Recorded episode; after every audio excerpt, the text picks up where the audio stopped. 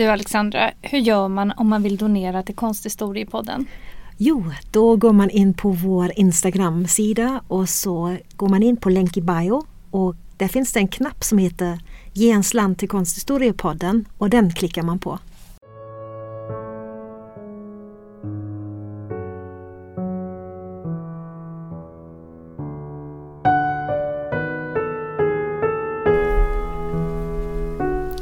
Hej och välkomna till Samtal pågår. Jag heter Alexandra Frid. Och jag heter Alexandra Härlitz. Och idag tänkte vi följa upp avsnittet om Anna Anker och konstnärskolonier. Det är ju nämligen så att Alexandra, du har ju skrivit en avhandling om konstnärskolonin i Gré. Och 2019 så gjorde ju Valdemars Udde en utställning som var baserad på din avhandling. Och kanske flera av er lyssnare såg den. Ehm, så jag tänkte helt enkelt göra en intervju med dig idag om konstnärskolonier och hur du har forskat om det. Vad är det som väckte ditt intresse för konstnärskolonier och vilka aspekter är det som intresserar dig mest? Uh, ja, det är ju en bra fråga. Um, jag startade nog min uh, tid som doktorand med ett projekt om konstnärskolonin i Dachau som ligger utanför München som en del svenska konstnärer åkte till. Och det projektet övergav jag sen. Eh, jag har fortfarande den forskningen kvar och ska så småningom publicera den också. Men jag blev sen intresserad av en grupp skotska konstnärer som visade sin konst på, i München på en utställning på Glaspalatset. Och det var alltså en grupp som också hade varit i Grès i Frankrike men som jag aldrig hade hört talas om tidigare. Så då tyckte jag det var väldigt konstigt att, um, att man bara hade hört talas om de skandinaviska konstnärerna som var i Grès i Frankrike då på 1880-talet. Och, vil, och vilka var det, de konstnärerna? Uh, de svenska? De svenska, ja. ja. Men det är ju många av de här kända som var där. Carl Larsson var där och uh, Carl Nordström och Bruno Liljefors. Och sen var det också författare som August Strindberg var där och ja, väldigt många olika. Eh, så det var en ganska stor koloni och eh, många svenska konstnärer framför allt men även andra skandinaviska konstnärer. Bland annat en norsk konstnär som heter Christian Skredsvig. Han var nog den som tog dit de svenska konstnärerna så småningom. Då. Och, eh, I alla fall, jag hade ju läst lite om de här skandinaviska konstnärerna och eh, hade sett deras verk men jag visste inget om de här skotska konstnärerna som då hette Glasgow Boys kallades de för. Och då när jag läste om dem så förstod jag att de alltså hade varit i grä och att, man, att de i princip målade samma typ av motiv där men att eh, det, de fanns alltså inte med i den här eh, litteraturen i Skandinavien som jag hade läst. Så det tyckte jag var lite märkligt. Och då började jag undersöka lite uh, den här konsthistorieskrivningen om den här kolonin och också um, framförallt var jag då intresserad av de här sociala relationerna i kolonierna. Alltså hur funkade det där att arbeta på landsbygden och umgås och, och så vidare. Så det var lite det jag var intresserad av. Och man säger ju det, det vet du också, att mm. um, när man skriver en doktorsavhandling så är det ofta mer personlig ett mer personligt ämne som man väljer än vad man tror. Och det känner jag i alla fall med den här avhandlingen att uh, det där att man som yes, att man är på främmande mark, att, man, att det handlar ju lite om nationalitet och så vidare och det är nog det som, som ja, är ett underliggande intresse kanske som fanns där. Men du berättade precis att det är att man ungefär målade samma motiv. Vilka typer av motiv var det då som de målade som man kan knyta till Gré? Det är ju eh, många gånger kan det vara landskap men också så figurer i landskap och då har man ofta eh, kanske äldre kvinnor eller även äldre män som, som placeras i landskapet. Gamla bönder men även unga eh, tjejer som eh, på något sätt ser väldigt melankoliskt ut och som målas alltså ofta, inte alltid, i den där, eh, ja, framför den här grådisiga, det här grådisiga landskapet i bakgrunden. Uh, så här, ja, gråa himlar är det ofta. uh, och det är väl det typiska motivet från Grä skulle jag säga. Du är ju ofta intresserad av just de sociologiska aspekterna kring grupperingar och kolonier. Eh, skulle du kunna berätta lite på vilket sätt konstnärskolonier är speciella grupper och hur de fungerar som sådana?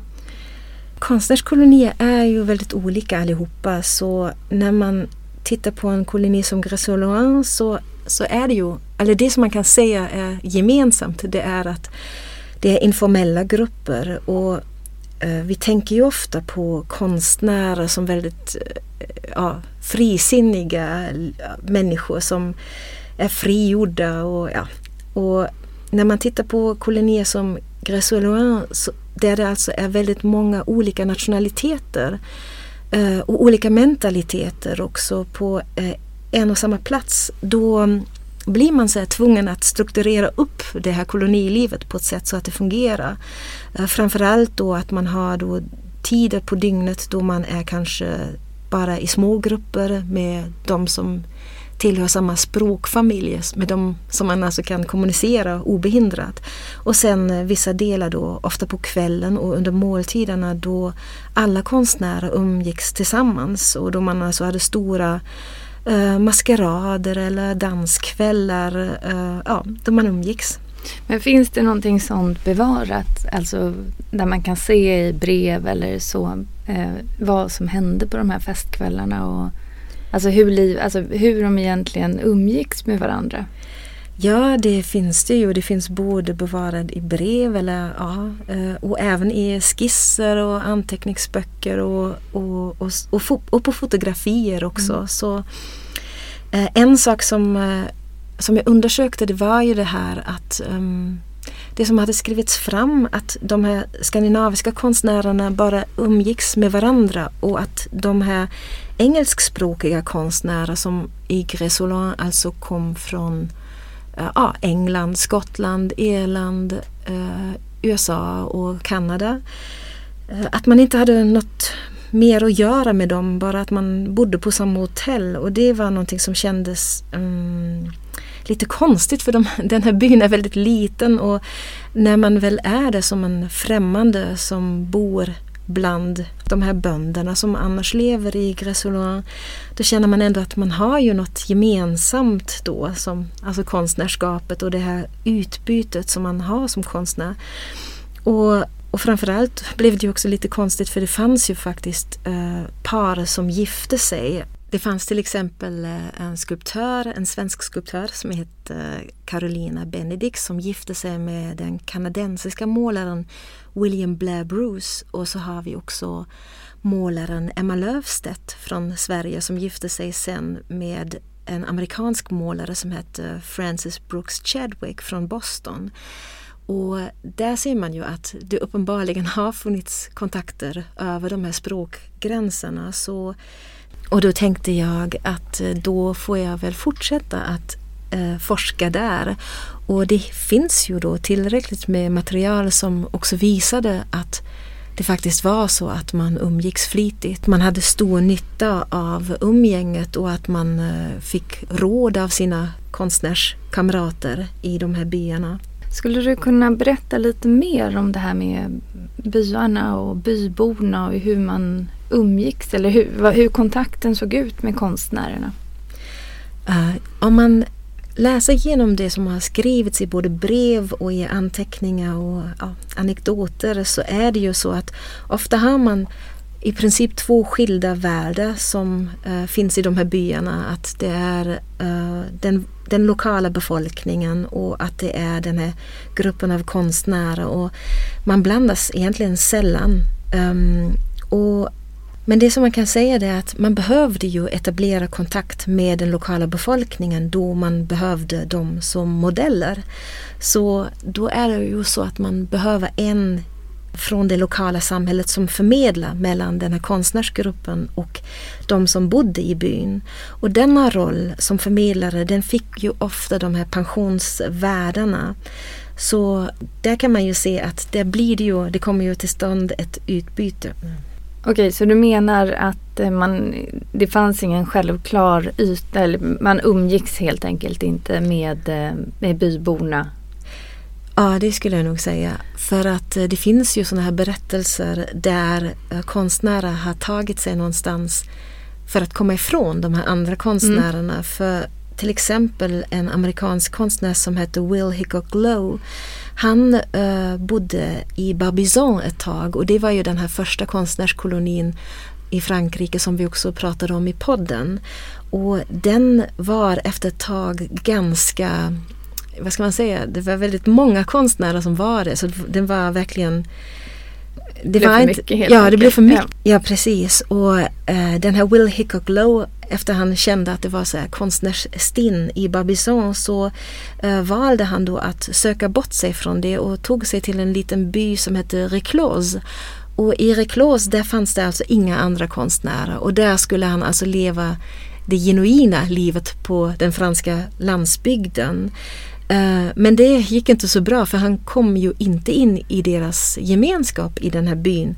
Så efter en vecka av total ensamhet drog han tillbaka till Barbizon där han själv skildrade hur han kände sig skamlöst glad att han kunde tala fritt på sitt modersmål och prata om konst med andra.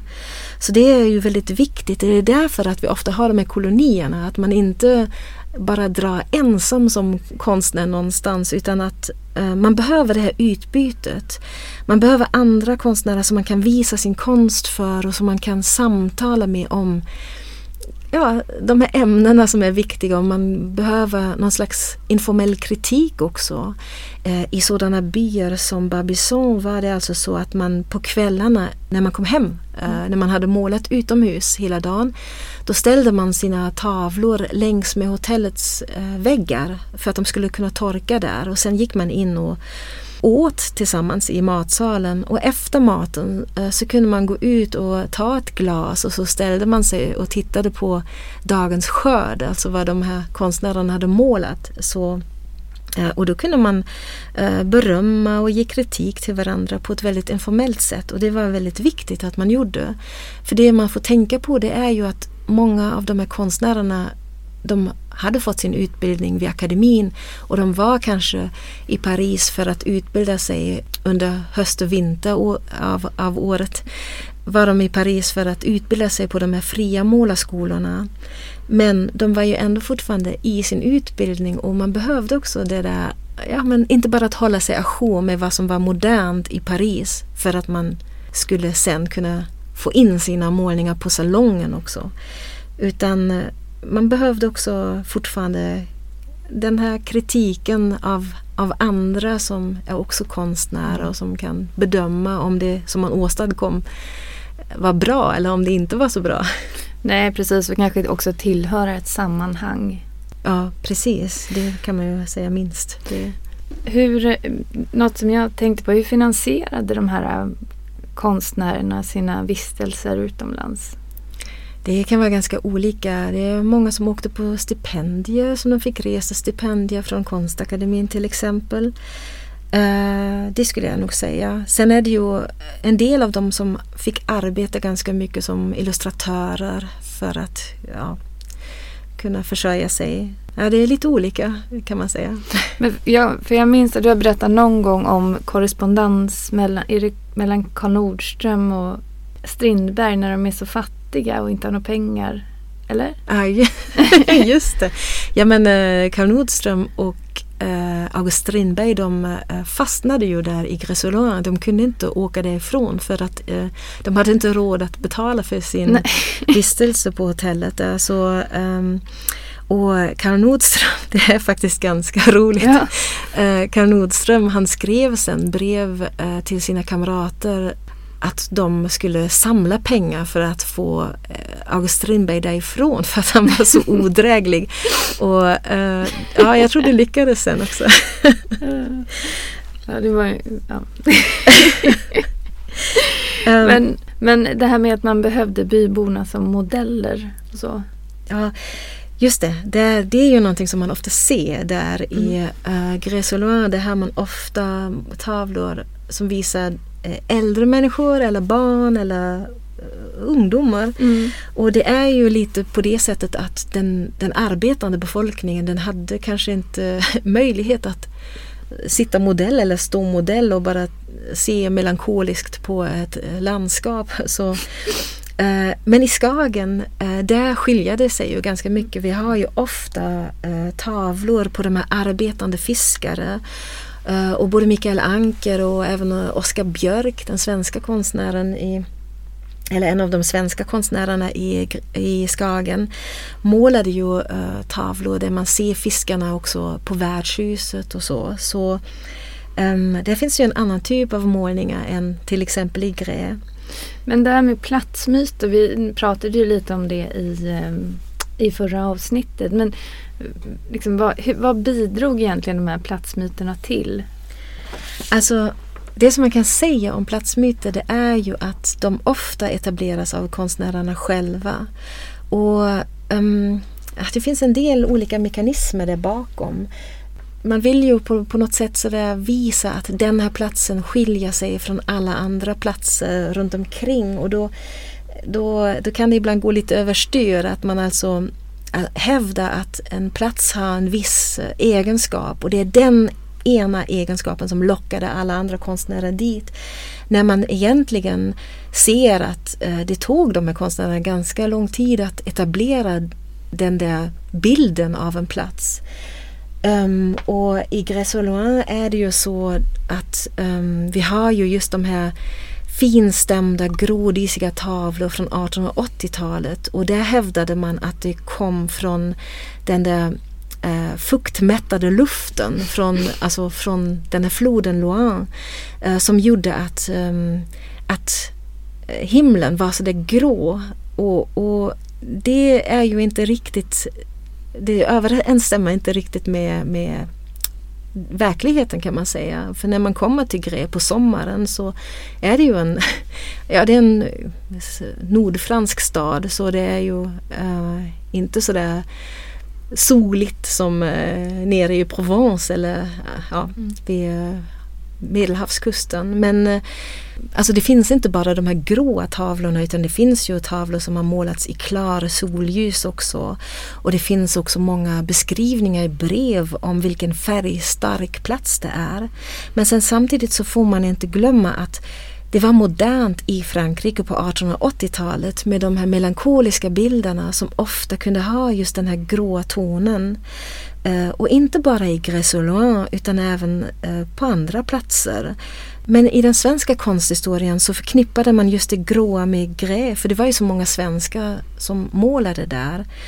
Och läser man konstkritik från denna tid, alltså från 1880-talet, så kan man ju läsa att de som var insatta, att de verkligen uppfattade den gråa tonen som något som var väldigt franskt, alltså typiskt för det franska måleriet.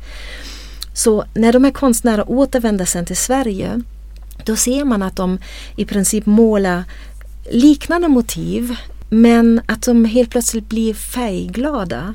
Att man alltså eh, väljer bort den här gråa tonen. Och det är nog inte på grund av luftfuktigheten eller andra sådana här klimatrelaterade aspekter. Utan man väljer bort den med flit tänker jag. För att man man förstår att den gråa tonen uppfattas som något franskt och nu övergår man alltså till det nationalromantiska måleriet där den svenska naturen ska målas och svenska motiv och då kan man alltså inte använda sig av den här gråa tonen som man använder sig av i, i, i grä. Och jag tror att det är en del av den här platsmyten då som, som man har skapat att eh, ja, att det var grått bara i Gré för att det var den här luftfuktigheten och inte för att det var något franskt. Mm.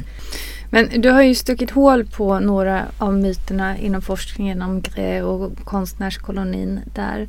Men hur förhåller man sig som forskare för att inte bidra till myten om konstnärerna eller om konstnären?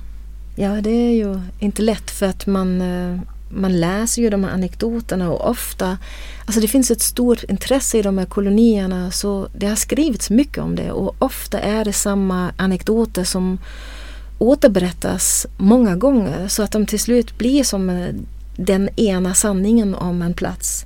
Så man får ju mm, titta lite på någon slags annat material kan man säga. Man kanske går ifrån det som man redan har läst och man, man får leta efter det som ja, kanske är material som inte har skrivits just för att det skulle publiceras utan sånt som står i brev eller i eh, privata anteckningar. För där kan man ofta få en helt annan bild av en konstnärskoloni än i de här artiklarna som har publicerats i tidningar om den platsen.